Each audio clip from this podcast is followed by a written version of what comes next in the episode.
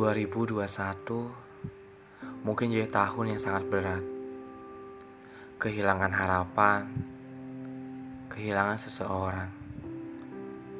Di tahun ini ada banyak malam-malam yang harus kulalui dengan penuh tangisan dan teriakan. Termasuk tanpa suara. Sendirian.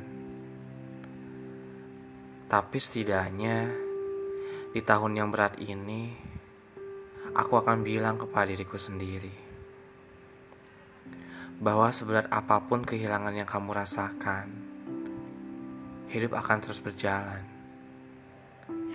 Terima kasih sudah bertahan.